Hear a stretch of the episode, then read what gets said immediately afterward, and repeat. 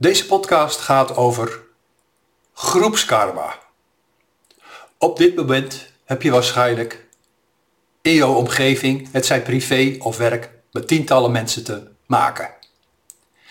Ik zou dan zeggen, met al die personen, al die zielen, heb je gezamenlijk uh, iets te beleven, iets te doen. Je hebt de groepskarma. Groepskarma is natuurlijk niet alleen dit leven. Je gaat gewoon door verschillende levens heen met ja, een hele grote groep mensen.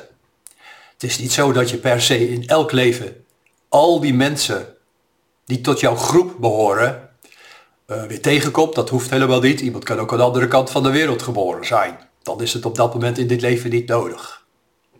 Dan is het niet je karma. Maar iedereen behoort tot een grotere groep mensen. En dat moet je veel ruimer gaan zien dan alleen je, je familie, eh, de, de bloedband, snap je? Of de persoon eh, waar je verliefd op bent of mee getrouwd bent of je kinderen. Nee, dat gaat gewoon veel verder. Je kan door de levens wel tien of wel twintig verschillende vaders en moeders hebben gehad. Zielen. Het is niet zo dat je elke keer in elk leven dezelfde vader en moeder uh, krijgt. Probeer daar eens rustig over na te denken. Wat ik je nou wil uitleggen, want dit is eigenlijk een kleine inleiding van deze podcast. Het kan gewoon zijn dat je door die verbindingen met elkaar, groeps uh, ziel, uh, je behoort tot een bepaalde grote groep, dat je ook van elkaar dingen kan voelen. Want ergens, en dat is voor mij heel lastig uit te leggen, uh, ben je met elkaar verbonden.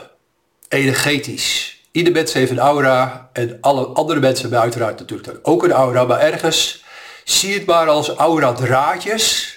Ik weet niet hoe ik het anders moet uitleggen, maar gewoon verbindingsdraadjes. Uh, met de andere personen. Je kan het ook een beetje zien als uh, het, het, het, netwerk.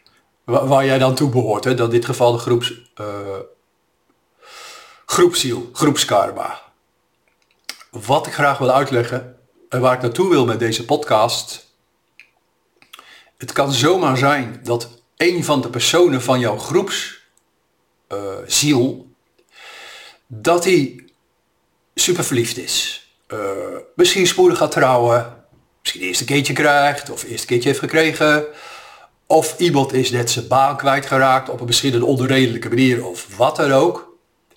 Zonder het te weten, bewust te weten, en soms kan je het ook bewust, bewust weten, maar daar gaat het mij nou even niet om, kan je beïnvloed worden op afstand. Dus een van de personen die behoort tot jouw groepsziel. Dus het kan zomaar zijn dat jij s morgens, s avonds of wat voor momenten op de dag een bepaald gevoel krijgt, een bepaalde stemming krijgt, eh, een bepaalde sfeer om je heen hebt. Maar dat komt omdat dan iemand uh, in je kring met jou bezig is. Tuurlijk, je hebt aan de ene kant de groep waar je nu contact mee hebt, op dit moment in je leven. Maar er zijn ook mensen die je misschien tien jaar geleden of twintig jaar geleden al maar een tijdje door kwijt bent geraakt. Weet je, of iemand is verhuisd of iemand is geëmigreerd. Maar dat wil nog steeds niet zeggen dat die verbindingen, die aura-draadjes dan verbroken zijn. Want die zullen namelijk nooit verbreken. Je behoort tot een hele grote groep mensen. Honderden mensen, nog veel meer denk ik, maar dat weet ik ook niet precies, het getal. En dat doet er ook niet toe. Het gaat er mij om dat je wil uitleggen. Iedereen behoort tot een grote groep mensen. In dit leven, maar eigenlijk door alle levens heen. Maar soms kan je de stemmingen van andere personen opvangen waarvan je denkt, waar komt dat nou vandaan? Wat is dat nou wat ik voel? Nou, oké, eh, is het je eigen kring?